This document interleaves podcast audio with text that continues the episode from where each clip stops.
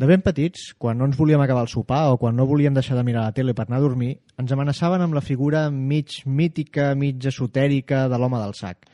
I quan els divendres a la nit ens quedàvem desperts i miràvem la tele d'amagat, potser l'acabàvem veient.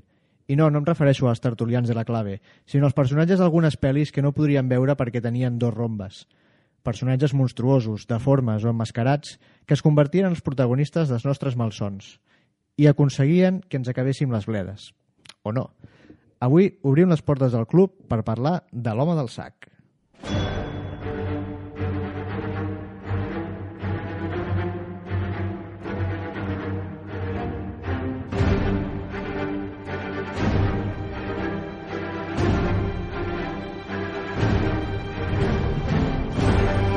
I avui ens visita el malson de moltes adolescents que acabaran protagonitzant pel·lis de sèrie Z. Pep Prieto, què tal?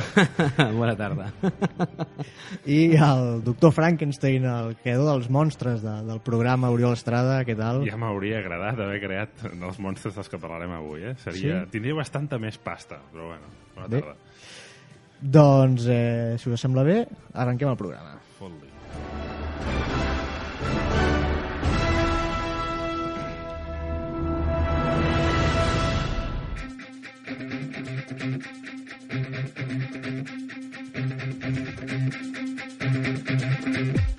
L'home del sac segrestava nens per Barcelona i n'aprofitava el seu greix per engraçar les vies del tren.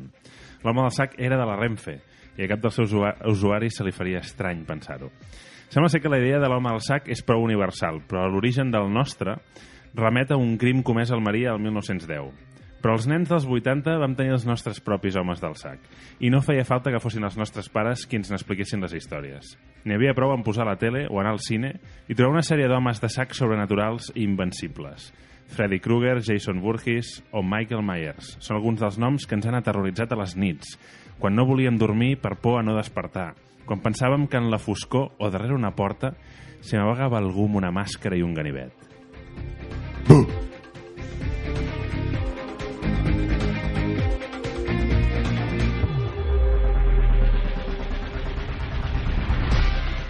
M'has espantat, eh? Ai, Molt, eh? Ha Ai. estat terrible. Sí, eh? sí, eh? Mare meva. En fi. El grito de Wilhelm, aquell. Bueno, va, no, ni- anirem a sac. Com hem dit a Twitter, Pep, en una batalla entre Jason, uh, Freddy i Michael Myers, qui, qui guanya? Si la batalla fos um, formal, és a dir, qualitativa de les seves aventures Ja cinematogràfiques... està, el crític cinematogràfic. No, home, però si guanyaria Michael Myers de carrer, és la meva opinió. Això perquè la seva primera pel·lícula, dirigida per John Carpenter, és encara avui una de les millors pel·lícules de terror de tota la història, per tant, ho tindria fàcil per cruspir-se els seus adversaris.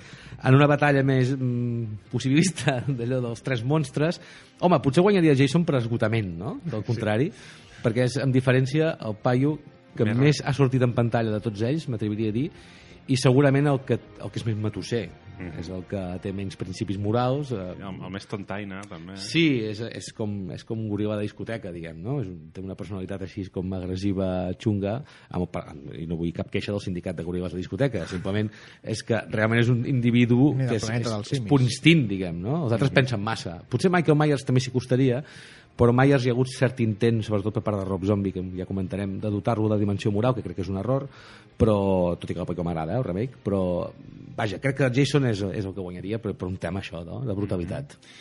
Doncs va, la noche de Halloween, que es deia aquí, vale? que realment es diu Halloween, Seques, sí, i sí. punto. Ja. La noche de Halloween, 1978. Que és una... Jo crec que aquestes, les, les tres sagues, tenen sempre com una mena d'objectiu. No? La, la noche de Halloween és fer por als, a les cangurs. No? Sí, a veure, en el cas... Clar, aquestes sagues, eh, abans parlàveu del mite de l'home del sac, tots aquests mites tenen un comú denominador, diguem, no? En el cas de, en el cas de, d'aquestes tres sagues tenen un, un, també en tenen un denominador comú, que és aquesta idea del monstre que encarna la rèplica dels instints adolescents, no? Aquest procés de maduració dels personatges que en aquest salt a la maduresa confronten amb un monstre que posa en evidència totes les seves febleses. Aquest és un, és un discurs bastant extensiu a tot aquest imaginari. En el cas d'aquestes tres pel·lícules, el que les matisa segurament és que, vaja, la, la tipografia de cada assassí, no? cadascun té una mena d'origen determinat que els diferencia. En el cas de Myers, efectivament, deies ho dels cangurs, té, però té la gràcia de que Carpenter no, no, no juga tampoc a grans tòpics sobre aquests personatges. No? Jamie Lee Curtis en aquella pel·lícula no és la típica cangura absurda o estúpida, que sí que ho són els altres personatges que ja hi juga expressament. I Tu i se'ls carrega. Bé, tu disfrutes com a espectador veient aquesta, aquesta carnisseria, però crea un personatge femení molt icònic que, que t'identifiques i, per tant, sap greu que la matin a la Jamie Lee Curtis en aquesta pel·lícula i això és, potser és una de les virtuts que té aquesta saga respecte a d'altres, m'atreviria a dir, no? Perquè els, algú se'n recorda de qui eren les víctimes de Jason Voorhees? Algú se'n recorda de la, Que- Heather, que- de la que- Heather Langenkamp? Kevin Bacon. Sí, perquè Kevin Bacon estem d'acord que és un personatge immortal. De fet, segur que apareix a quadres al segle XI, també, Kevin Bacon. Però en el cas de la nit de Halloween eh, sorprèn aquell minimalisme del principi i efectivament eh, hi ha aquella cosa de- d'aquella cangur responsable no? que aquell afany de protecció del nen doncs, topa amb aquell monstre ancestral i si us hi fixeu és més currat això que la resta no? hi ha un punt de, de treballar-se no, no és la típica cangur que acaben anant a follar al cementiri, que és el que acaba passant a totes aquestes pel·lis. Que això és una pregunta que vull fer eh, així en públic. Per què en aquestes pel·lícules els personatges van a follar un cementiri que és un lloc profundament incòmode No ho sé. i a més a I- més difícil d'entrar, que aquesta és l'altra. Bé, difícil d'entrar aquí, eh? Allà als Estats Units estan bastant estan sí, oberts, oberts. sí. molt oberts, Però aquí sí. vas a fer un cementiri. No hi ha, no sé, ja. penya-segats, no hi ha coberts abandonats. Hi ha gespa a terra, estan cuidats. Clar, és Estan que ja cuidats. és, ja és Sí. això. Aquí, un cementiri d'aquí amb els nínxols i tal, que és con contra els nínxols, no, Sí, no és això sí que és una no? carnisseria. Però Però, et queden marcats les, les figuretes de, Sí, dels o- nínxols a l'esquena. No, però bé, no com és- deia l'Àlex, és veritat que allà no hi ha aquests plantejaments inicials i després l'altra cosa que la fa gran el Halloween, que a mi encara m'acolloneix ara si, si, si fixeu, Wes Craven a, a Pesadilla Elm Street necessita eh, personatges de nit, dormint somnis onírics, on apareix un monstre no? amb unes urpes no? el plantejament ja d'entrada té el terror en l'anunciat Jason Voorhees, un home amb una màscara de hockey de dos metres i mig, amb un ganivet que utilitza amb una alegria digna de carnisser, etc etc. En canvi, Michael Myers, a la primera meitat de pel·lícula, no el veus actuar. Simplement el veus. I aquella escena meravellosa, a plena llum del dia, que ella mira per la finestra i el veu plantat enmig del carrer. Allò acolloneix molt i no necessita grans ensurts. És un individu amb una màscara blanca enmig d'un carrer. Aquesta anomalia, com, i la manera que Carpenter la filma, crec que és el que la distingeix eh, diguéssim, mitòman- mitòmament de la resta de sagues. És, és la que té un procés més elaborat de construcció, és la que és més fidel a la llegenda, de fet, fins a algun punt, perquè Myers no és sobrenatural, però té alguna cosa d'etèria, d'im- d'imprevisible, surt dels llocs sense, sense que l'espectador tingui una explicació racional de com hi ha arribat, i això és el que crec que la fa encara molt viva. Doncs t'he de dir... Bé, a part de Halloween és això, és la, és la pel·lícula que era una pel·lícula baix pressupost. Molt baix, sí, molt, sí. molt poc pressupost, de John Carpenter. Uh, tot i això, bueno, també va tenir Donald Pleasence, que era un actor allò... Ja era un clàssic en aquell moment. Exacte, no? O sigui, ja, Sí, sí. Ara, ara és un doble clàssic, no? I, i, i va tenir molt bona crítica per, per innovar, no? Pel tema de la càmera subjectiva, molt, saps? Allò que, que et fotia molt en, en, en l'escena. I el La tema de- música, la I el música. tema de la música, anava a dir, no? Que va compondre ell amb un piano, sense saber molt bé tocar piano, però és una, lo de la música de Halloween és allò... Ti, ti, ti, ti, ti, ti. Això és... Però això val per totes les de Carpenter de l'època, eh? perquè Rescat en Nova York també té un tema principal que mira que és senzill, però en canvi et queda gravat de per vida. Però aquí... hi ha- Exacte. Exacte, exacte. Però aquí hi ha un altre tema que potser no, no, no surt tant, que és que John Carpenter va agafar una mica la idea del curtmetratge d'un company seu de l'escola de cine de no sé on. Sí, si és sí, un sí. tio que va fer un curtmetratge uh, de, em sembla una cangur, que llavors l'assassí estava dins, la trucaven i l'assassí no està dentro de casa. Bueno, però això n'hi ha una pel·lícula de l'època sí. que es llama Un extraño, que també, que aquesta sí que es basa oficialment en aquest curt i que va tenir un remake, a més no fa tant, dirigit per Simon West, crec, el de Los Mercenarios 2, i que és això, no? aquella idea de la cangur que rep una trucada i quan mira on, on està el- l'interlocutor està dintre la casa.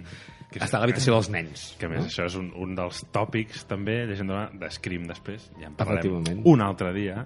Però tot gira al voltant del mateix, eh? és, la, és la mateixa llegenda. No? Hi ha un nen en perill Mhm. eh, a partir d'un personatge que irromp a la llar. És, és el concepte bàsic. No? Un personatge que busca venjança, a més a més, que normalment és, és, és això, és el Sí, tema de la en el, venjança. en el cas de Myers eh, triga molt la pel·lícula a donar-te aquesta explicació sí. i això també el que la fa tan terrorífica al principi eh, és a dir, no... tots aquests personatges tenen un rerefons, no? La influència de la mare en el cas de Jason, el Freddy que va, és fill d'una monja que va enviar sent psicòpates. Per cert, això és una cosa que m'ha fet gràcia.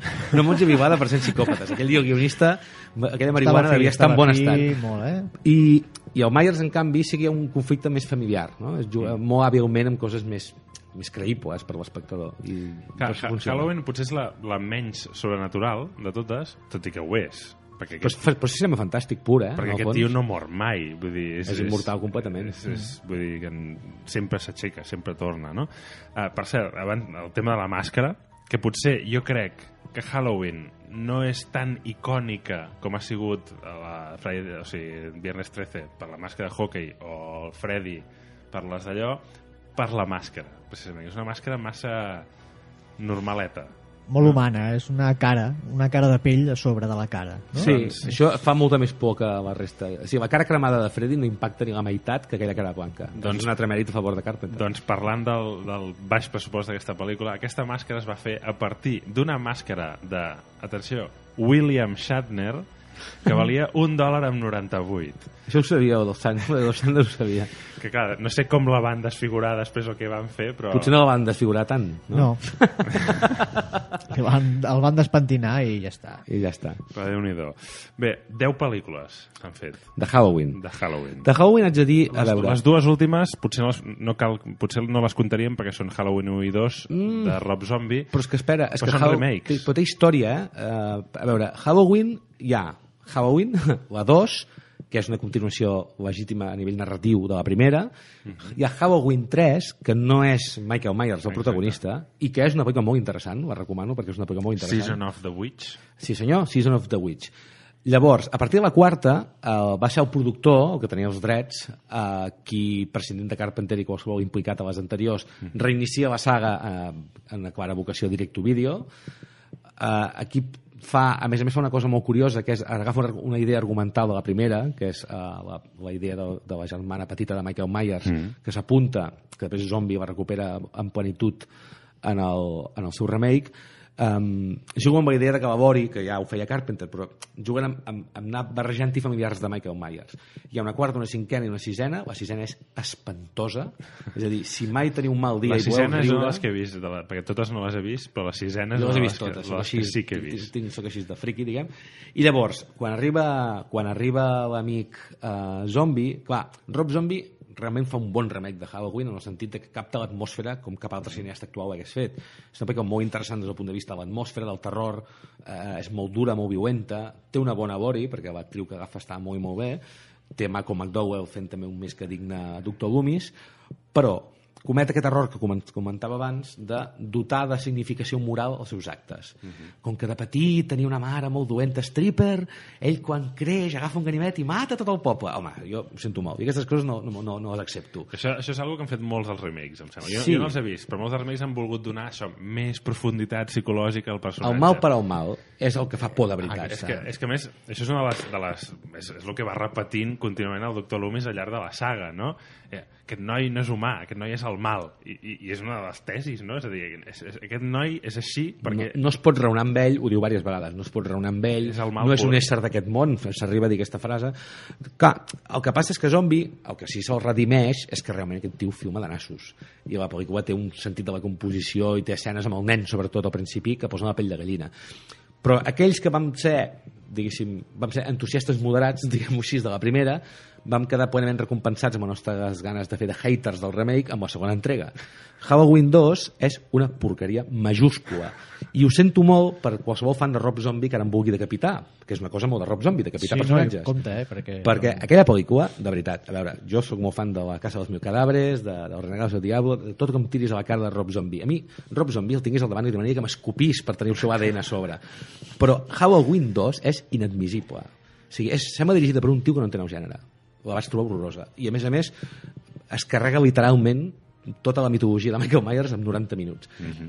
Jo suposo que és perquè va intentar fer la, la pel·lícula diferent que hagués volgut fer la primera i estava massa esclau de reformular la història però jo ho sento molt, la trobo molt fallida i és una llàstima perquè Zombie ha demostrat fer-ho molt millor va ser un fracàs i això ha altre cop aturat la nissaga fins que algun productor avispat en faci un altre reboot. El que és, el que és curiós és, és ja, ara ho anirem veient en les sagues, no? És a dir, hem parlat de lo del Season of the Witch, la tercera. Uh Mhm. -huh. que, potser la tercera, si l'haguessin fet en lloc de la tercera, la segona, hagués tingut un sentit de fer com una mena de franquícia de pel·lícules que es diuen Halloween mm, basada senzillament en, La el, marca. en el tema Halloween. Això es va fer en Pesadilla en Elm Street en una sèrie televisiva. Us en recordeu? Sí, I en sí. Viernes 13 també. Sí. En Viernes 13 es va fer una sèrie, que no sortia Jason Voorhees, que eren casos que es resolien uns No investigadors. tenia absolutament res a veure. Res, era la marca, però era una bona idea. I en el cas del Freddy era les pesadilles de Freddy, que a vegades sortia el Freddy i a vegades no. I era una sèrie que estava molt bé. A més, per l'època va picar fort, perquè ningú feia això. Mira, Carpenter va fer Body Bags, que era una mica l'intent, també, Sí. de, de crear marques de terror a la televisió. Però clar, és això, com que van fer la segona que era una seqüela, o sigui, que, acaba, que comença la segona just quan acaba la primera, que, Just exactament al mateix moment, que això ho fa Zombie també amb la seva, eh? que era una bona idea, però... però et clar, dic, ja, ja, resta- ja has mitificat el personatge i llavors ja la tercera ja no cola, diguéssim, no? No va anar malament, en el seu moment de taquilla no va ser un fracàs, o que, perquè la marca tirava encara, i era un moment que el gènere estava en auge, i veníem de bé, del Pesadilla, aquestes coses, i es va estar al 83, crec, i era un moment que hi havia el Tren del Terror, que és una altra gran pel·lícula reivindicada amb Jamie Lee Curtis, precisament, però és veritat que, que, que sí, que hi, ha un, que hi ha una aturada estranya de la saga, era una bona aposta, jo continuo pensant que és de les millors de tota la saga, però que però efectivament és, és inclassificable. I això és el que la fa una mica de, de mal en el conjunt de les pel·lícules. Ah, després ja és la quarta és El retorno de Michael Myers, la, Sí, la pesadilla de Michael Myers, la no? venganza, La maldición. la venganza, la maldición, Sí. etcètera. i després van fer aquelles de Halloween que va donar la Jamie Lee Curtis. Ah, perdó, me l'he deixat aquesta. Sabia La- que me'n deixava la una. H2O. H2O. Bueno, H20. Bueno, H20, sí. Tothom la deia H2O. 20 anys després. Aquesta que és de l'Steve Miner, que és un director que no sé, als principis dels 80, després va fer Eternamente Joven i, es va, i va perdre tot prestigi, però abans d'això va, va, era un director de sèrie B bastant digne. A mi Halloween H20 em va agradar, A mi també. És a dir, perquè veus, allò que Zombie no aconsegueix a la seva seqüela, a la Halloween 2 seva, sí que ho fa H20. Reprèn la història, 20 anys després, efectivament, S'ho inventa una mica perquè re- ressuscita a la el personatge, la, la, la Lori, no? Era? Sí. La ressuscita, va fingir la seva mort. Sí, Pam. però és una pel·lícula que tant d'atmosferes com de manera d'estar filmada i ús de la banda sonora, que més recupera el tema de Carpenter, i ho integra molt bé en una banda sonora més sinfònica, la veritat és que em, fun em funcionava aquella pel·lícula, i, i vista ara és de les que... A veure, es nota molt que és del mateix equip d'Scream, perquè té un aire total. Sí, però més és l'època. Sí, és el llenguatge aquest, el metallenguatge aquest, i hi ha moltes referències al gènere, i és una pel·lícula que, que està bé, funciona encara bé. Sí, sí. La que no he vist és la segona part que van fer d'aquesta, que és Resurrection. Eh, sí, que això passa en una casa amb càmeres, com si fos un gran hermano. És una pel·lícula infame. És a dir, jo he vist eh, curtmetratges rodats a gratges de casa amb més profunditat moral que aquella pel·lícula. Des d'aquí una salutació a tots els que rodeu el garatge a casa vostra. La veritat és que eh, no, no, no s'entén, a més, perquè tornen a intentar canviar de terç, juguen al fan footage una mica, amb aquesta idea de les càmeres, i, però és una pel·lícula sense consistència ni, ni aporta res de nou al personatge, fins a un punt que hi ha un moment de la pel·lícula que te'n dones compte que en cap moment t'han explicat com va aterrar Michael Myers a aquella casa. Se suposa que és la casa d'ell seva d'infantesa, però clar, és que no hi ha explicació de... Ningú ho busca, diguem. És molt doenta, molt. Clar, si parlem d'això, no? de, de no donar profunditat, de, de no aportar absolutament res, potser podríem anar parlant a la següent saga, Serà curt aquest comentari. que, que és clar, que és una saga que directament i reconegudament es volia aprofitar de l'èxit de Halloween, Sí. Salut! Ens referim... que és Viernes 13. Viernes 13. Viernes 13, eh, deixant de banda que... Clar, Viernes 13, si us hi fixeu, de les tres sagues és la que té l'autor menys autor. Sean Cunningham és un tio profundament simpàtic, eh, té pel·lícules que a mi em diverteixen molt, n'hi ha una que es diu Profunditat 6, que no sé si l'heu vista, dels anys 80, que a mi en, encara fa poc que vaig recuperar i em fa molt de riure, que ell intent d'imitar l'avis de James Cameron. I la, la veritat és que, clar, la primera part, jo és que ja la trobo dolenta. Volgudament dolenta. No, no em fa por, cosa que d'entrada, i admeto certa cosa malsana de l'ambient i tal, i el gir final, que és veritat que té la seva gràcia, però és que en Jason és un tio sense, sense història, diguem, no? I és dels pocs casos, ara entrarem a veure les seqüeles, que és el més divertit que pots fer de Viernes 13, però és dels casos que m'ha agradat més el remake que l'original. El remake Era fàcil. Que era de Marcus Nispel, el director de, que aquest director és, ha fet coses una mica rares a la vida com eh, el guia de Desfiladero, però que és un tio interessant, i el remake de Conan aquest, que encara tenim malsons alguns, Uh, però amb el Jason Momoa, clar, és que amb aquest actor... Però bé, Aquaman. Aquaman, exacte. La qüestió és que el remake de Viernes 13 sí que em va fer gràcia, perquè juga molt bé, té uns primers 20 minuts que són un homenatge a la primera, i llavors entra en l'eslasher característic, però molt cru, vaig al·lucinar. És una pel·lícula de masses, d'ara, molt crua. La gent mor d'una manera molt violenta. I vaig trobar que era un cert homenatge a l'esperit d'aquelles pel·lícules inicials, no? És, mm -hmm. és veritat. Ara, les seqüeles són totes... En fi, n'hi ha una que està al futur, a l'espai, perdona. Jason X. Jason X va a Jason l'espacio, eh? La, la, la d'abans, o sigui, Halloween era per, per, això, per espantar els cangurs. Aquí és per espantar els monitors d'esplai allò... que és un gremi que s'ha de dir que mereixen ser espantats, de- deixem-ho dir, no? És a dir, jo he tingut professors monitors a la vida que he desitjat que un Jason Voorhees qualsevol els hi clavés uh, la seva arma en un moment de gincama, El particularment. pelapatates aquell, sí. Exacte, però eh, no, no, no, no sé. És que, a més a més, els personatges són molt estúpids normalment d'aquestes pel·lícules. Però els de Viernes 13 ho són més que la mitjana. és a dir, per- si estàs a un camp obert, per què vas en direcció contrària a la llum? Que és, és una cosa que hi ha una, hi ha una luz en el bosque, és igual, anem a l'altre costat, no? Mira, hi ha un riu, no és igual, no el segueixis. No, que això també passa a Where Bridge Project, en una de les escenes més famoses.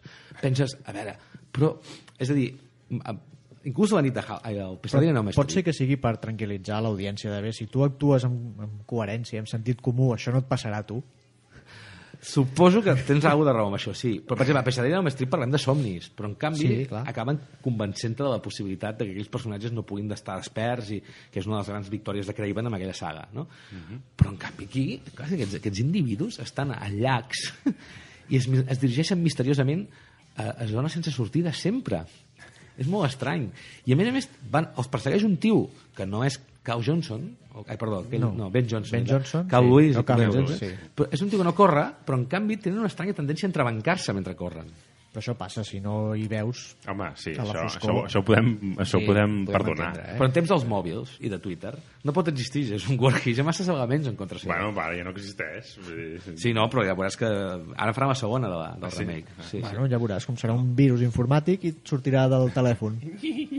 Vist n'hi ha una molt bona de, de les seqüeles de Viernes 13, les recomanem a l'audiència que la vegin si poden, perquè està més consultable en VHS, que és Jason va a Nova York, Sí. com si fos Tarzan, diguem, Jason no? Takes Manhattan. Exa- Ah, no, Tex Manhattan, exacte. Però és allò de Jason com Vente a Alemanya Pepe o Sí, Tarzan en sí, Nova sí. York. Uh, Jason va a Nova York i això és com un esdeveniment de la pròpia pel·lícula, no? Uh, ha anat a Manhattan. Fa bueno, és com Depredador 2, una mica. Sí, una mica, tens raó. I de qualitat també. Però una mica potser té, té el mèrit d'haver creat aquest personatge i, molt icònic i molt... Allò, que, de fet, el curiós és que Jason no surt a la primera. No, no, no. No, no surt fins a... a i ho sento per l'espoiler, però no surt fins No, al... no, ja ho sabem, no. el lema. De... Qui no hagi vist Viernes 13 aquestes Sí, alçades... fa 25 anys, mira, aquest any, 25 aniversari de Viernes 13. O sigui Sí, sí. que surt, surt, o sigui, és la seva mare qui està fent tots aquests assassinats en venjança pels monitors que van deixar que s'ofegués. Sí, sí, sí, sí, sí. Eh? I, I llavors ella, a l'última escena, quan ja et penses que ja s'ha acabat tot, surt del riu i s'emporta a la supervivent. No? Bé, I, jo haig de dir que hi ha una, una de les seqüeles... però que- la màscara no surt No, no, no, ni- no. Diria que fins a la tercera pel·lícula. No, fins a la tercera. I, de fet, hi ha una de les seqüeles, que crec que és la sisena, que és una, una, una, una pel·lícula que dura 81 minuts, crec, i hi ha com 50 escenes de sexe, que això em va divertir molt en el seu moment, perquè vaig trobar que era una proporció molt elevada per metratge, i a- acaba, i perdoneu spoilers, perquè he d'explicar aquest No, final, i si no moro, uh, acaba que l'esperit de la mare Sí. emergeix del llac, l'esperit, i s'emporta Jason cap a dins. o sigui, aquest individu que no pot matar ningú a cops de destral, la mare espectral se l'emporta sota l'aigua i el nen mor. mare. Ja, però és que és horrorós, en fi. És, no, no, no té... és que no diverteix ni com a sèrie Z, aquesta saga. Per per cert, mi. la mare, interpretada per Betsy Palmer, Sí, actriu senyor. de sèries, sobretot, no? de, Sí, sí, sí. americana, eh, diu que va acceptar sortir a Viernes 13 de la UFE de la, de la mare només per poder-se comprar un cotxe.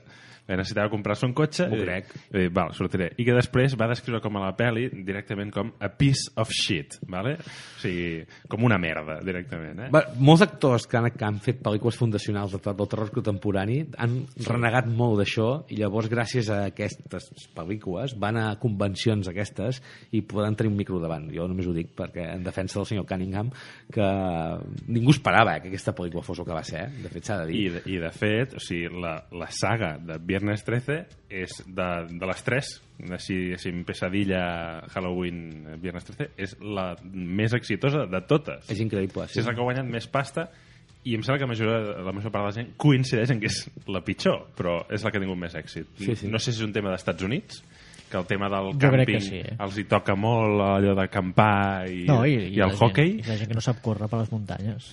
Serà, serà això. és molt d'allà. Sí. Però bé, bé.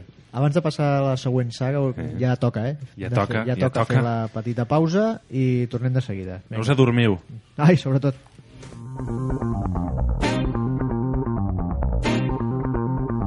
Estàs escoltant Ràdio Ateneu del Clot.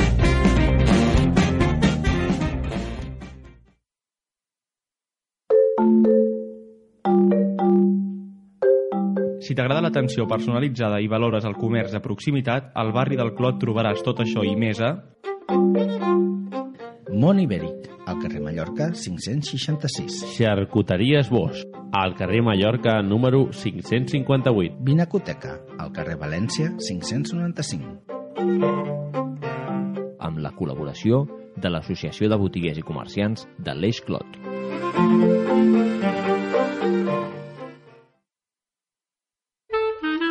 Hosti, Toni, et queda molt bé aquesta boina. Doncs me la vaig comprar junt amb aquests mocassins a una botiga de complementos. A on dius que te la vas comprar? Al Clot tenim botigues de complements. Albert Torres Artesanies, al carrer Rogent 21. Bossa Nova Rogent, al carrer Rogent 98. Cubanito Sabateries, Mallorca 543. La Riba Sabates, Mallorca 567. Amb la col·laboració de l'Associació de Botiguers i Comerciants de l'Eix Clot.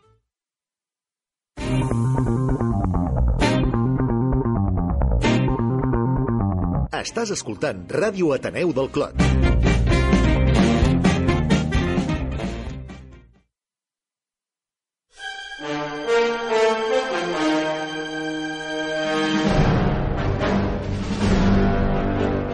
I seguim aquí al Club Hellfire parlant dels homes del sac del cinema.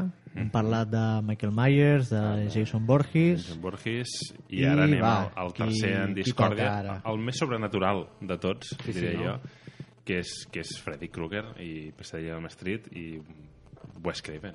Wes Craven, que és en si mateix una marca, eh? Home, a veure, aquest senyor té l'encert d'haver creat no una, no, dos sagues impressionants contemporànies. A mi encara m'agrada més Scream. Trobo que les quatre pel·lícules de Scream són extraordinàries. M'agraden les quatre, potser el que menys la tres, però sobretot la quarta la trobo brutal. La, la 3 surt J-Pop. Sí, és veritat, és veritat. És el que la salva. Però vaig trobar que tenia molt mèrit molt mèrit el que aconsegueix amb, amb, amb Scream aquest tio, que és fer un, una síntesi, un compendi de tot el que representa el terror contemporani, en particular els desbaixes. Però bé, tornant a, a PSD de Elm Street, home, ara us ho deia aquí microtancat, però és la saga que més ha transcendit tot aquell que s'hi ha implicat. A veure, analitzem. A més de Heather Langenkamp, que és una actriu que és, és normal que no hagi arribat lluny, eh, tot i que ha tingut també el seu paper extracinematogràfic amb aquesta saga, però hi havia Johnny Depp a la primera, Sí. eh, que és un actor que bé, que eh, comet els seus errors, però en tot cas és dels grans Sí. del cinema contemporani. I mireu els directors. La segona... Eh, home, i Robert Englund també. I Robert eh, Englund, bueno, era, en aquell moment era el Willy de V, que això va traumatitzar tota una generació de nens Patricia Arquette. Patricia Arquette, sí senyor, Patricia Arquette. Però fixeu-vos, i sortia el, com es diu, el, el Sexton, no? John Sexton? No, com es diu? aquest John? Saxon. Saxon, perdona. Que ai, va treballar Sexton. amb Bruce Lee. Sí, no, no, i tant. Operación Dragón, el, el lloro, eh? Però el, els directors, fixeu-vos, la segona era de Jack Shoulder, que és de les fuixes, tot s'ha de dir. Però bé, Jack Shoulder, que és el director d'una, per mi, una de les millors pel·lícules fantàstiques dels 80, que és Hidden, que se'n parla poc d'aquesta pel·li, però era boníssima. Aquí la van titular Oculto. I bé, és un director amb una trajectòria, i és el director de Solos en l'Oscuritat, que és una pel·lícula que fot molta por. Llavors, la tercera és en Jack Russell, el senyor que va dirigir La Màscara i Eraser. Mm. Hòstia, s'ho sap de memòria. Sí, sí. sí home, per això està aquí. perquè està molt malament, no?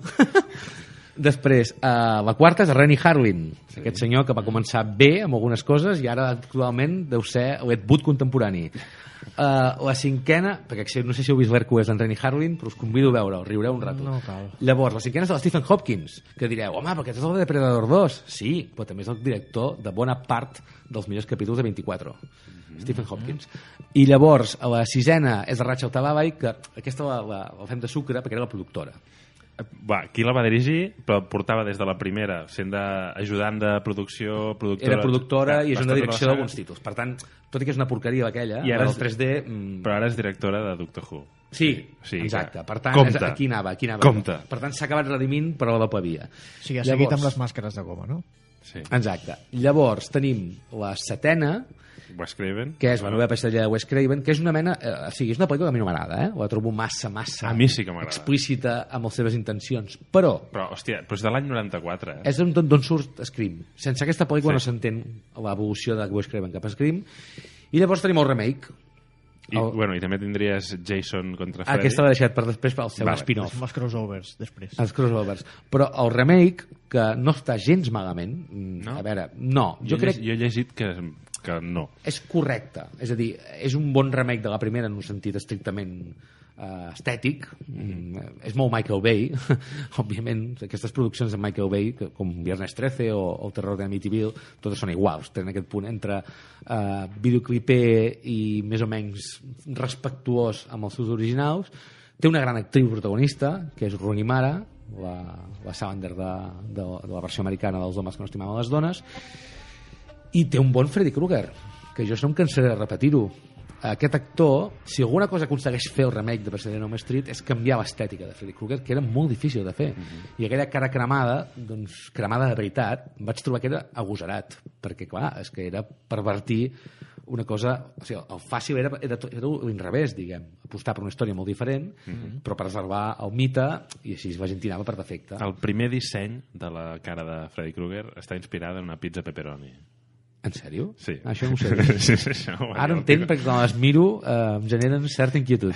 Però des, diguem Que que era la... un pizzero que va caure, vam sopegar i va caure amb la cara a la pizza mentre sortia del forn o sigui, i es va ser quedar així. el primer disseny que van fer. Ah, val. Després ja, deixa'm que ho van, ho van elaborar una mica més, però si t'hi fixes sí que té, i, i, i depèn de quina pel·lícula miris, sí que té un aire pizza pepperoni, eh, a la, la cara de Freddy Krueger. Ah, doncs ja, mira, avui en demanaré una. Eh? O sigui, si heu de veure, si ara, si ara volguéssiu fer una marató de on Elm Street, pizza pepperoni. Pizza pepperoni. És, és Clar. el que, Ara, és el que toca. quantes pel·lis hem dit que eren? Uh, bueno, són set pel·lícules Set? i el remake. Set pel·lícules... I el crossover, Sí. que ara en parlem. Un dia i mig llarg... o- Són bon, curtes, sí. eh? Bé, però a base de pizza Jo, pepperoni... jo, jo l'he fet aquest de setmana, el, la marató de... Perquè a mi, Pesadilla on Elm Street, jo com a nen dels 80, uh, és una pel·li que a mi em va terroritzar. Sí, sí. Sí. sí. Veus, de gran no, no, no impacta tant. No, eh, de gran fa riure, Sí. bastant. A més, I ho busca. Sí, ho busca. Hi ha molt d'humor. Allò de la llengua i tot allò és, graciós, diguem. Però jo de petit, o sigui, que allò, que, que posaven aquestes pel·lícules a la tele i els teus pares inconscients te la deixaven veure, sí. i després estaves tota la nit que no podies dormir. Primer per por, la por normal, i després perquè, clar, Perquè si quedes dormit... clar si, si t'adorms, Però a mi no em va treure tant la son...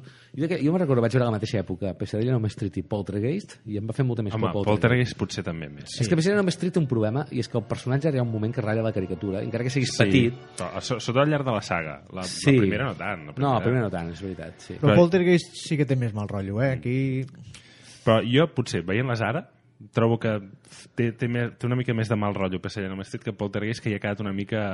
Els fantasmes han quedat una mica Sí, desfassadets. és veritat que queda més desfasadeta. No, a veure, de, de la saga, la que a mi em va, em genera molt d'interès i tot crític, diguem, és la tercera. Sí, a mi és de, la, de, la- de tota la saga, o sigui, quedaria la primera, la tercera, i a mi m'agrada la, La sa- pesadilla, la, eh? la, la setena. Jo és que la tercera, a més, trobo que hi ha una voluntat real d'anar més enllà. I això em va sorprendre perquè era, ho tenia molt fàcil. és, és, no? és el que deia de les altres sagues, no? A la segona es va apostar, a més es va fer de seguida, per fer la mateixa pel·lícula, pràcticament, que la sí, és, primera. és gairebé un remake, sí que és per veritat. fer la mateixa pel·lícula, que no compta per res, i després va tornar Wes Craven després i va dir, no, a veure, anem a fer... anem, anem a continuar una Va mica. trigar, eh, però home, sis Sí. pel·lícules després... No, I ell, la tercera, la tercera. Va és, tornar. és escrita per ell, sí. Però, però, però a veure, però si, però si hagués pogut posar regnes abans, perquè, clar, la quarta i la cinquena se les haguessin pogut estalviar, tot i que no són indignes, però... I llavors hi ha la sisena, que, que allò, la muerte de Freddy, que ningú es creia que moria, però Mm. aquell, aquell últim quart d'hora en 3D, vist ara, és per bueno, en fi, E- Eren altres temps. eren altres temps. Altres sí, senyor. 3Ds. Però va ser un èxit de taquilla perquè la van vendre així. Mm. I pel que fa al crossover, que l'hem deixat pel final, a veure, el crossover és veritat que és divertit. Recordem que Jason contra Freddy està dirigida per Ronnie Yu, que és un director que té una gran pel·lícula, que ara direu, aquest tio s'ha tornat boig, per mi, una gran pel·lícula que és La nòvia de Chucky. Bueno, i La nòvia del cabello blanco. Sí, senyor, que sí, senyor. Gran clàssic del cinema d'arts marcials Sí, senyor. fantàstic. Però en particular La nòvia de Chucky, el que em va arribar a A fer riure aquella pel·lícula... A mi m'encanta Poques pel·lícules eh? de terror contemporanis ho han aconseguit tant. I, i trobo que està, és divertida, però no, no... Saps quin és el problema? Que te n'oblides els 5 minuts de veure-la. Mm. Ho tenia tot per ser una gran experiència eh, nerd, m'atreviria a dir, però et quedes amb la sensació de que és un pur marxandatge. Però abans també, abans del programa comentàvem, que també havia passat amb Alien vs Predator, per exemple. Jo diria que és millor el Que- Jason i el Freddy que l'Alien vs Predator. Eh? Doncs imagina't. I, I si heu vist la segona d'Alien vs No, sí, Predator, sí. Llavors, convençudíssims. Estàvem parlant del mateix abans, el- Sí, sí, estem, estamos en la misma onda. allò és, en fi, allò està a nivell de Halloween d'en Zombie, la segona part. Doncs eh, el... No, no, el crossover val la pena veure'l si ets molt friqui d'aquestes sagues, perquè és veritat que té, a més té, molts, té, molts, té moltes picades d'ullet, però, però li falta, no? No sé. Peter Jackson va fer un guió per la sisena pel·li Mhm. que anava de que els nens ja no tenien por de Freddy Krueger i, i, i el que feien era prendre's pastilles per dormir per anar a tocar-li la pera a Freddy Krueger. Ah, això és una bona idea. Maco. Però clar, no deixa de És ser una mica mica... Stephen King, aquesta idea, eh, per cert. Però és una mica la, la idea de, de Freddy contra Jason. Sí. La pel·li és que la gent ja s'ha oblidat de, de Freddy Krueger i, ja, i llavors ja no pot eh, atacar perquè la gent ja, ja s'ha oblidat i el que fa és utilitzar Jason perquè mati gent Per arribar a Elm Street i la gent torni a pensar que, que ha estat el... revalidant la teoria de que Jason és un soca i un calçasses Bueno, a, a, i és fàcilment instrumentalitzable, En diguem. aquesta pel·li és així. Sí, el, Totalment. El Freddy es fa passar per la mare de, de Jason que li diu has d'anar al Elm Street i matar gent. I quan es Que comença a L'ha matar... imitat bé la mare. I, bueno, parla així. I quan, i quan comença a matar a massa gent, el Freddy diu, hòstia, tio, El pas és que no, no em quedaran per mi. que, que jo vull matar gent també, no? I, i llavors és quan es barallen. La prova és així. Clar, això li van oferir també a Peter Saxon dirigir-la, no sé si perquè van pillar algunes idees de, de la Sí, seva no, pel·li. però va, va proposar fer una trilogia i... Va dir, Ah, De fet, una de les coses, abans que parlàvem, per cert, m'he deixat de dir una cosa, abans que parlàvem de que l'error de Rob Zombie és donar dimensió moral al personatge, una de les coses mal fetes que fa el remake, al fil d'això que dèieu, no? de que els nens agafin la, la, les regnes de la, de la situació, és origen de Freddy, que ja no són 100 monges viuant... Ai, no, perdona, no, era al revés. No, No, no, 100 mon sí. Una monja viuada per 100 psicòpates. Això hi ha alguna cosa, però hi ha un intent de justificar que sigui així de monstruós, no? Clar, com que el van cremar viu, un doncs, clar, el tio també s'ha de tornar, no? Hi ha un punt d'això. És també és un error, perquè la gràcia de Freddy era aquella mena de frivolitat de la seva existència, no? Un home del sac sense solta ni volta. Bueno, clar, era un assassí de nens. Per, Clar, això, per això es converteix. sí. No, no, no, això ja és, ja hi és, eh? Però, Sí, sí. Però la reacció virulenta, és a dir, la pel·lícula que fa és equiparar el crim que cometen amb els nens amb el crim que cometen els pares venjança, Mm, que és una bona idea, però clar, la manera que està plantejada és, bueno, si cremem els de tots directament, no? El Kruger i els pares, no? Al mateix temps. I això és un error que per mi comet el remake, que és aquesta obsessió contemporània per donar un sentit a tot, que no s'entén gaire. Era més dels 80, el fet de el mal per el mal. Sí. Ara ja no, no es porta. Per cert, parlant de la, de la infame pel·li 3D, sa- sabeu qui sortia també? Johnny Depp. 3D? Però, bueno, Johnny Depp torna a fer un cameo, perquè clar, havia Mm. sigut la seva primera pel·lícula, però surten Roseanne Barr i Tom Arnold. Sí, senyor. I ho recordo. Això sí que em va fer por. Sí, eh? Home, la Roseanne està en un, en un moment de la seva vida que feia bastanta por, perquè està allò... Tom Arnold, que era el seu marit llavors, I Tom Arnold era el seu marit, eh? i que, fi, sí, sí, sí, allò, aquella pel·lícula és, és com, fi, és com si fessin un gran hermano no, VIP. però qui fa, qui fa de pare de Freddy Krueger a la pel·li? No ho recordo, això. Alice Cooper. Ah, sí, sí, sí que ho recordo. I Alice Cooper. I la cançó era d'Iggy Pop. Sí, Vull dir sí. que la, la sisena té, té, té una sèrie de coses pop. Allò... I té una actriu protagonista que ara, pobra, està oblidada per als llindars de la sèrie Z, que és la Lisa Zane, que era la germana de Billy Zane, que és un altre actor oblidat, sí, afortunadament per tothom. ah, L'engendro del diablo. No? Sí, senyor, i Titanic, perquè era Sí, sí, el- sí, era sí. l'imbècil de Titanic, que jo crec, crec que és un paper autobiogràfic. The Phantom, no, també? També de Phantom, gràcies Gran, per gran, recordar-me sí. de Phantom, és una cosa Ja, que he intentat ja. oblidar durant molts anys. Doncs mira, aquí està. Aquí està, de Phantom. I, i la Lisa Zane crec que ho feia francament bé en aquesta pel·li. Li donava, era una, és una actriu com amb un enigma a sobre i li donava molt de rotllo el seu personatge. Però, però realment, vista ara, és, és increïble que la més, de les més noves mm. hagi envellit pitjor que les de l'any 84 i 85. Però veus, a mi, la nova pesadilla, que jo, tu no t'agrada, però a mi sí, que, perquè no ho sàpiga, és com la metapel·lícula. Sí, no? Perquè és la- Wes Craven rebent la visita de Heather Langenkamp, actriu de la primera pel·lícula, amb ella assegurant-li que Freddy existeix. Mm. Va una mica d'això. Bueno, o sigui, és, són, tots els personatges s'interpreten a ells mateixos i Freddy, diguéssim, existeix de veritat. I és un Freddy una mica diferent. fet, surt en Robert Englund fent de Robert Englund. Sí, sí, sí. I surt un Freddy una mica diferent, també que fa una mica més de por, una mica. Sí. És, és una mica més cru Li el treuen, li treuen els a ratlles, per exemple, Mhm. li donen un aire més sinistre. Més home del sac, Sí. a més a més. De fet, a qui s'assembla de veritat al Freddy, de la nova pesadilla de Freddy, eh, és als Jeepers Creepers. Mhm. a l'estètica dels Jeepers Creepers aquella amb el barret aquell, que és un home del sac total els Jeepers Creepers doncs juga una mica amb, amb, aquesta, amb aquesta imatge Mhm. És en Rorschach, no? L'actor, com es diu, el, el que fa de Freddy? a on? A la, la última? en Jackie El Halley Això sí. el, el Rorschach, El Rorschach, exacte sí, sí. sí, senyor, sí senyor I en aquesta pel·li es fan trucades un altre cop, es torna el tema del telèfon de... que després Wes Craven agafa i fa Scream no? Sí, però en aquella època tenien fil els telèfons i com a veus ara sembla decimonònica, però sí. Mm. Sí.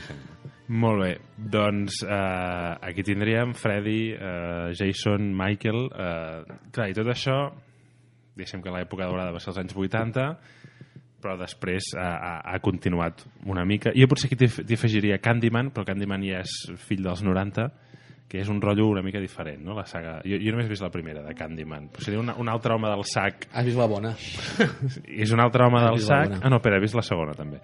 Un altre home del sac, que és l'home del sac negrata, Sí, en sí. aquest Bueno, cas. és com el Dràcula Negro, també hi ha d'haver un... Toni Tot, un gran actor. Toni Tot, que per cert té un, té un paper molt significat a una saga, també soc molt fan, que en parlarem un altre dia, perquè no sé si és el cas, que és Destino Final. Que soc molt fan d'aquesta saga, de la primera a l'última, a més. De la primera a l'última, hòstia. Sobretot l'última, és el que més m'agrada. Un dia, la 5, la trobo fantàstica, un dia en parlarem. Però, el, tornant al tema Toni Tot, la veritat és que Candyman juga aquesta idea. De fet, com tantes pel·lícules, són excepcions de l'home del sac, totes elles, no? uh, sí que Candyman entronca més amb el Kruger, segurament, per aquesta cosa de la invocació. Hi ha un personatge molt, que a mi m'agrada molt de la cultura americana, que és, el, que és la Bloody Mary, aquella cosa que la invoques a, davant del mirall. Tres vegades, sí, Sí, Bloody Mary tres i vegades. hi ha una saga també de la mateixa època que va fer una seqüela direct to video, la, la saga és La leyenda urbana, recordeu aquestes Sí, pel·lícules? sí, Jared Leto. Jared Leto, sí senyor, Jared Leto. Gran pel·lícula aquella, per cert, també la reivindico A mi, a molt. mi em va agradar molt al seu moment. La, la seqüela... Seqüela que està dirigida per en John Ottman, per cert, sí, ja- el músic John Ottman, el compositor de Brian Singer. Pues que es dediqui a, a, a fer música. A fer música. La tercera part, que no, s'es- no es va veure en cines, és un directe vídeo, és Urban Legends Bloody Mary. I, i recuperen, vaig pensar, mira, és clar, de les tres és l'única que apela l'imaginari de l'home del sac, va tenir gràcia que volguessin trencar la saga recuperant un personatge que té a veure amb aquest esperit i que és com està en l'òrbita Candyman, per exemple, o el propi Jeepers Creepers, que abans vam esmentat, que també juga molt aquesta idea de l'Amèrica rural, aquell personatge que després quan treu les ales fa una mica de riure, eh, amb carinyo per la pel·lícula, però, però mentre no saps el que és, és una pel·lícula que colloneix molt. Sí. I està molt i molt ben feta. Bueno, el rotllo aquest més... eh, El, el, tot el que passa a les altres pel·lis que hem comentat és més el- l'Amèrica aquesta de, id- idíl·lica, no? la, la, els carrers macos, etc etc. o lo d'anar de- d'acampada, és, és l'Amèrica aquesta dels anys 50 tan, tan Sí, maca, sí. no? En canvi aquí, clar, ja te'n vas en un entorn, entorn urbà, eh, gueto, marginal, i hòstia, encara eh, fa més, més, més iuio, sí. no? Sí, sí, sí. No, I realment... Eh, I a més té el punt aquest que el primer Candyman que veus és un tio de veritat, un tio que es fa dir Candyman. Sí, senyor. Sí, senyor. De, I el fil de la... Quan parles d'aquest gènere has de parlar de les grans actrius que han protagonitzat. Si abans parlàvem de la Curtis, que és evidentment la mare de totes, eh, aquí a Candyman tenies una actriu que en aquell moment s'estava prestigiant molt, que és Virginia Madsen, i que la veritat és que, que, que, que gràcies a ella la pel·lícula encara guanya més en convicció. A més a més, el director d'aquesta pel·lícula és Bill Condon, que és el senyor que va dirigir Dioses i Monstruos, que és una pel·lícula molt reivindicada pels aficionats del Fantàstic, perquè parla de James Whale, i serà el director de la... S'ha, s'ha, s'ha, penso que s'ha fet públic avui, el director de La Bella i la Bèstia, de la nova versió amb imatge real de la Disney. Però clar, si haguéssim d'anar a pel·lícules ja més modernes, autèntiques hereves de tot aquest esperit de l'home del sac, on anem a parar si anem al dia d'avui? El dia d'avui... Mira, jo parlaré de dues pel·lícules ràpidament. Va. Una és En la oscuridad, pel·lícula que no, no ha vist gairebé ningú. Una Jo l'he vist. Tu sí? Llogada amb DVD. És una, és una pel·lícula dirigida per Jonathan Liebesman, que és el director de Ninja Turtles, ara, gràcies a Michael Bay, ha guanyat bobada.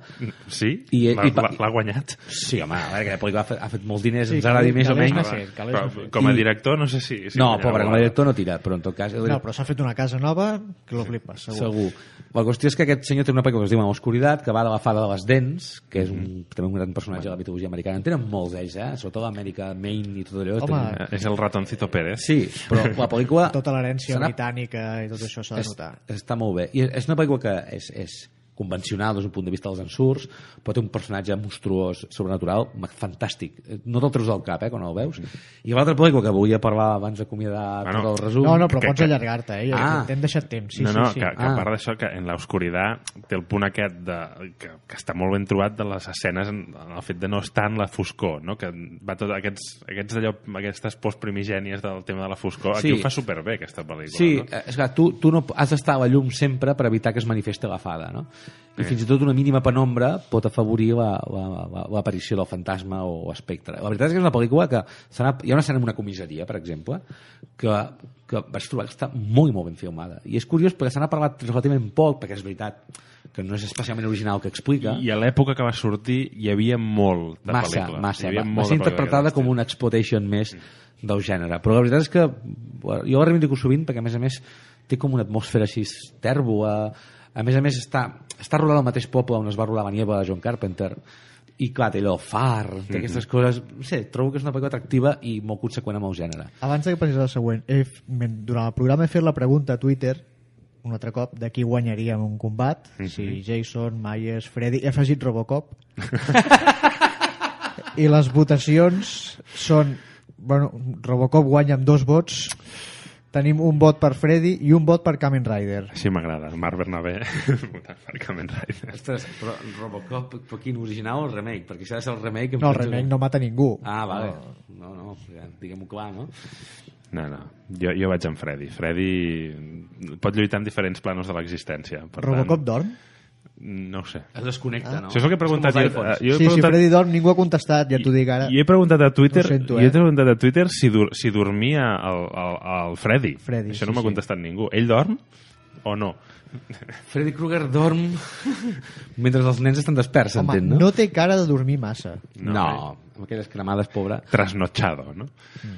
Molt bé. No, però anem, anem ara sí a, a l'actualitat. 2000 2015... 2015. O 2014, perquè la pel·li és de 2014. Sí, el que passa és que ara ho està patant. Uh, um, és de Babadook, pel·lícula australiana que ara està en cartell.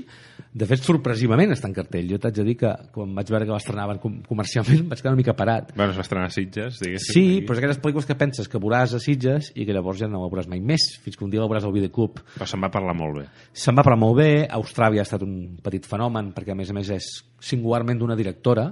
No hi ha gaires directores de cinema de terror en actiu o com a mínim que transcendeixin i aquesta senyora, a més a més, debuta en aquesta pel·lícula i és la guionista cosa que encara ho fa més meritori. És una pel·lícula que reformula l'home del sac eh, a un nivell com jo no, veia, no havia vist des de, potser des de Carpenter. Jo en sóc molt fan, eh, no em canso de reivindicar-la. Ara hi ha certa tendència de l'aficionat a tenir-la perquè és veritat que és una pel·lícula molt més seriosa del que del que us el seu gènere, però aquesta pel·lícula fa una cosa magistral, vull dir, si algú ens escolti es vol convèncer d'anar-la a veure, més enllà de la por que fa, que em fa, però abans jo feia referència a que normalment el, cine, el gènere parteix d'una realitat idíl·lica que l'espectador clama tot el metratge per tornar-hi. És a dir, mm. quan hi roma allò fantàstic, l'espectador, en indefensió, pren la decisió mental lògica de voler recuperar aquell estat primigeni. El que fa de Babadook, que és el que em té meravellat, és que parteix d'una realitat tan desastrosa, tan terrorífica com el mateix monstre. Una mare vídua, infeliç, amb un fill hiperactiu i mig sonat, perquè realment el d'aquell fill eh, és, és impressionant, des del resplendor que no veia un criu tan inquietant, i la irrupció del monstre acaba sent, m'atreviria a dir, l'extensió moral lògica d'aquell primer estadi. I això és molt sorprenent. En el gènere no s'ha fet mai incomodar l'espectador des del primer minut. És a dir, no li dones eines, no té, no té un paisatge On idíl·lic agafar-se. al qual agafar-se. Per tant, sorprèn que és una pel·lícula inquietant, és molt, és molt capilar tota ella, i llavors el monstre jo és que fa, fa molt, molta por. O sigui, qui vegi aquesta pel·lícula i em digui que no ha tingut por, o conviu una birra, o, o anava a dir un sopar, perquè soc pobre, una birra. Però realment jo vaig, em vaig inquietar moltíssim pensant precisament en que no hi havia solució al problema d'aquells personatges. O sigui, us la recomano perquè, perquè val molt la pena i crec, a més a més, que és probable que generi una nova mitologia. De fet, els australians són molt bons amb això, perquè en tenen una altra, que és Wolf Creek, Mhm, Ara surt la segona, no? Ah, s'ha fet la segona, que no és tan bona com la primera, però aguanta, perquè aquest director també és molt bo, que sabeu de què va, no? D'un tio que és una mena de cocodrilo d'andí, Mm. que es dedica a interceptar turistes que van a visitar un meteorit i a pagar-los, cosa que és el que es fa amb turistes que van a visitar meteorits. Sí. És a dir, Què, què, què has de fer? Que has de fer. I és una pel·lícula que també crea un home del sac molt abstracte, a més a més saben conjugar molt bé amb el gènere perquè no hi ha explicació de per què ho fan. Passa i punt. I això apela molt als fonaments del gènere i de Carpenter i Craven i companyia. Fantàstic. Molt bé, doncs eh, acabem aquí i anem com cada setmana al Todo lo que mola, todo lo que jode.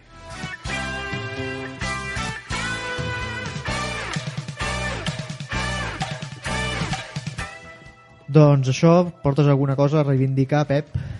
O a criticar? O a alguna cosa que hagi sortit avui, que hagi generat un debat a Que Twitter? hagis vist a YouTube... No sé... No, a veure, faré dos, puc, puc fer dos I tot tant, el que me. Sí, home, sí, tot el que me mola. Uh, primer el teaser de los Quatre Fantàsticos, uh, que ja he parlat Bueno, per Twitter. teaser, per no- teaser, tràiler. Tràiler, Sí, sí, home, tràiler. dels, dura dos minutets, sí. dels Dark Jo Teen, Dark Teen Fantastic Four. Exacte, jo que sóc molt fan de, de Joe Strang arran de Chronicle, tenia fe en que faria alguna cosa potable amb els Quatre Fantàsticos i crec sincerament que el trailer apunta a un producte prometedor. Entenc les vostres reserves, només faltaria, però...